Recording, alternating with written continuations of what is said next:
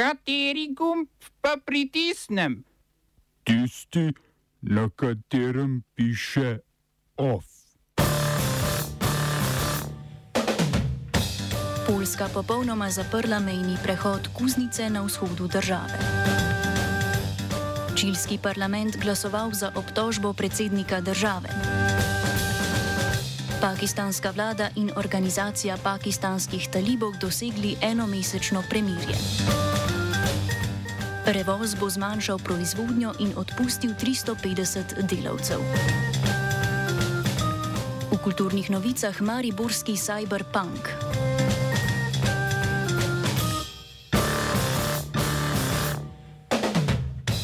Poljska je za nedoločen čas v celoti zaprla mejni prehod Kuznice z Belorusijo na vzhodu države.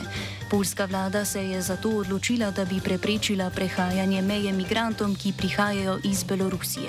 Več tisoč migrantov je primoranih prenočevati v gozdu, za varovanje zunanje meje Evropske unije pa so oblasti na vzhod države v pomoč policiji poslale kar 12 tisoč vojakov. Poljska v imenu varnosti Unije na meji izvaja kolektivne pushbacke in nasilno zaustavlja poskuse migrantov, da bi prečkali mejo.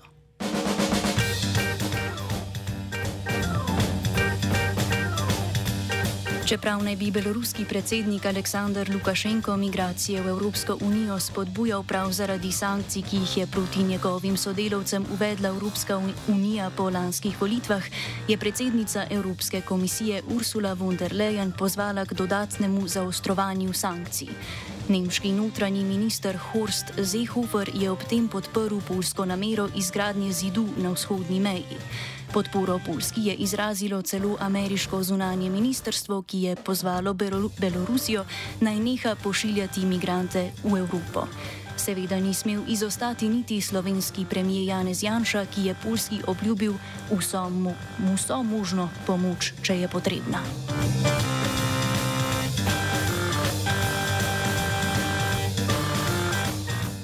Spodnji dom čilskega parlamenta je glasoval za obtožbo predsednika države Sebastiana Pinjere zaradi njegove upletenosti v prodajo rudnika Bakrove in železove rude Dominga leta 2010.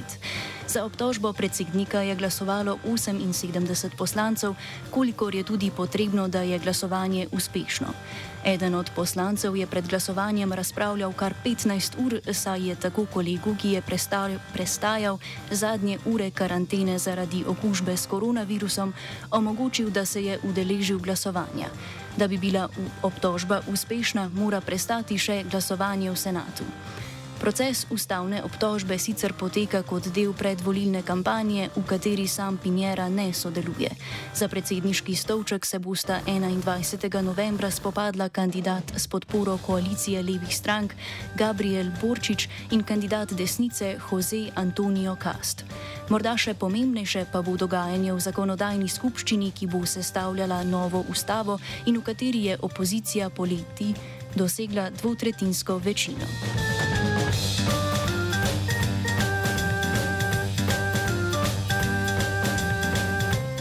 Pakistanska vlada in organizacija Tehrik-i Taliban, skratico TPP, poljudno znana kot pakistanski talibi, sta podpisali dogovor o enomesečni prekinitvi spopadov. TPP je sicer prepovedana organizacija, ki na plemenskih območjih na severozahodu Pakistana vodi gverilsko vojno proti državni oblasti. Ofenziva, ki jo je leta 2013 pod ameriškim pritiskom proti skupini sprožila pakistanska vojska, je iz, domo, iz domov pregnala približno milijon ljudi. Pakistanski premijer Imran Khan je nedavno razkril, da potekajo pogovori med obema stranema in da je v vlogi medijatorja nova talibska vlada v Kabulu. Pogovore podpirajo tudi glavne opozicijske stranke, poslanci pa so povedali, da jih vodi vojska, ki je izvoljenim politikom zagotovila, da je to edini način za dosego konca spopadov. Pakistanska vlada se je pogodila tudi s skrajno islamistično stranko TLP.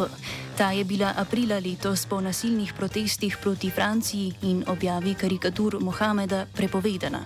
Dogodki so sledili v boju francoskega učitelja Samuela Patija, francoski predsednik Emmanuel Macron pa je takrat javno podprl pravico do objave karikatur preroka. Stranka sicer svojo moč tudi v drugih političnih vprašanjih izraža na ulici. Na zadnje so potekali protesti za izpustitev njenega voditelja Saada Rizvija, ki je bil aretiran zaradi spodbujanja nasilnih protestov. Ministrstvo za notranje zadeve je povedalo, da je ponovna legalizacija stranke v širšem nacionalnem interesu. Ta je grozila s pohodom na prestolnico, ki pa je zdaj odpovedan in to kljub temu, da Rizvi ostaja za zapahi.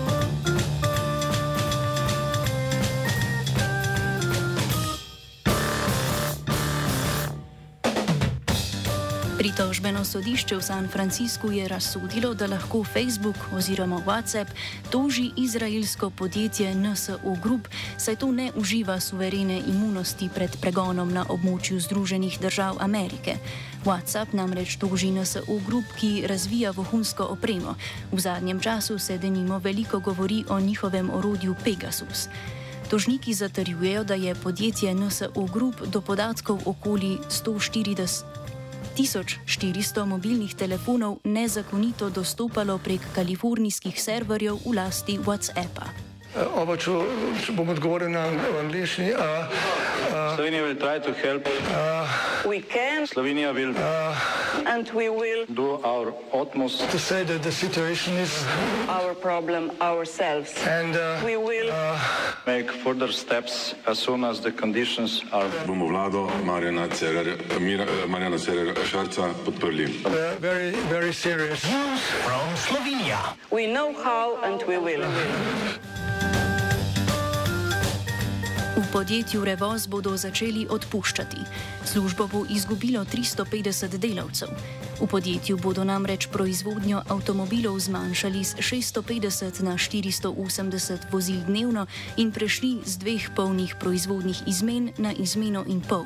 Proizvodnja je zaradi pomankanja polprevodnikov letos že stala več kot 70 dni, skrajšan delovni čas in odpuščanje več kot sedmine vseh zaposlenih pa je ukrep, ki ga je moralo vodstvo po lastnih besedah sprejeti za ohranitev konkurenčnosti slovenske podružnice Renuja. Po trditvah predsednika Revozove izpostave sindikata kovinske in elektroindustrije Dušana Kaplana bo pri odpuščanju šlo predvsem za agencijske delavce in druge delavce, ki se jim izteka pogodba. Glede na napovedano zmanjšanje obsega dela, smo uh, sindikati in podjetje dogovorili pogoje, kako na kakšen način, da je ta zadeva čim bolj uh, v smislu enega prostovoljstva, mehkih načinov odhoda in tako naprej. Uh, nimamo pa še seznama presežnih delavcev, vse je nekako v kontekstu dobre volje in pozitivnega pristopa k temu, da se res izognemo na koncu tistega pravega odpuščanja. Zdaj, seveda, v tem kontekstu zraven je tudi eh, to, kar je, bom rekel, običajno, se pravi, pogodbe za določen čas, ki bodo potekle, ne bodo podaljšane. Eh, zahvalili se bomo agencijskim delom oziroma agencijam. Ne? Eh, tako da to so neke take mogoče osnovne stvari. Novi direktor slovenske tiskovne agencije Igor Kadunc je predstavil pogodbo o opravljanju javne službe STA, ki jo je sklenil z uradom vlade za komuniciranje. Po Kadunčevih trditvah ne gre za enako pogodbo, kot jo je predlagal urad vlade in s katero se ni strinjal Bojan Veselinovič, ki je zato odstopil. Kompromisna pogodba velja le za zadnja dva meseca v tem letu in temelji na uredbi o izvajanju vladne službe STA, ki jo je vlada sprejela julija. Kljub temu ostaja uredba za STA sporna in agencija jo bo še naprej izpodbijala po sodni poti, ker določa plačilo za opravljanje javne službe glede na obseg opravljenih vsebin. Igor Kadunc.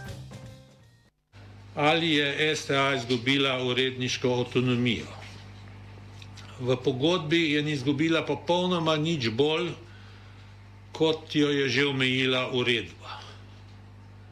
Tle v zapisu Društva novinarjev pišejo, da bi bilo, da je sporno, da se to upošteva, vendar sodišče je jasno reklo, da ne zadrži uredbe. To se pravi, moramo mi delati s tem, kar imamo in to je veljavna uredba in ta veljavna uredba se je prelila v to pogodbo za zadnja dva meseca. Tako pač je odločilo sodišče.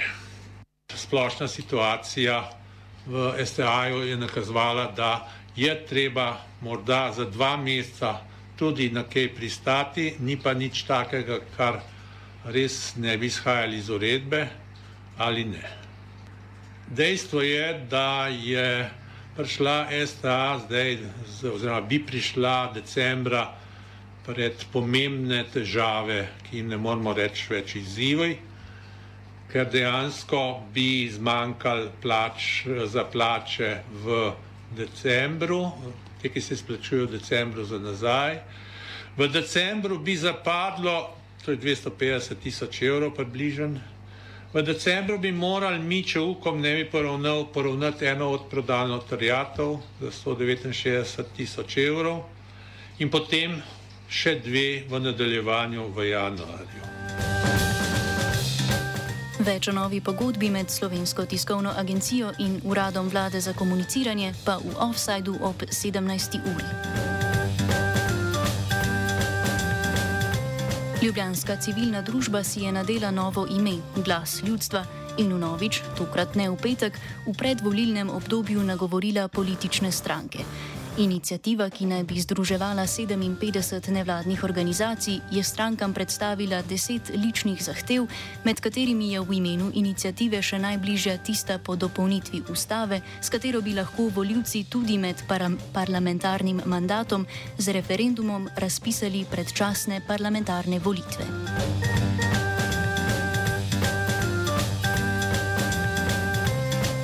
OF je pripravil Martin.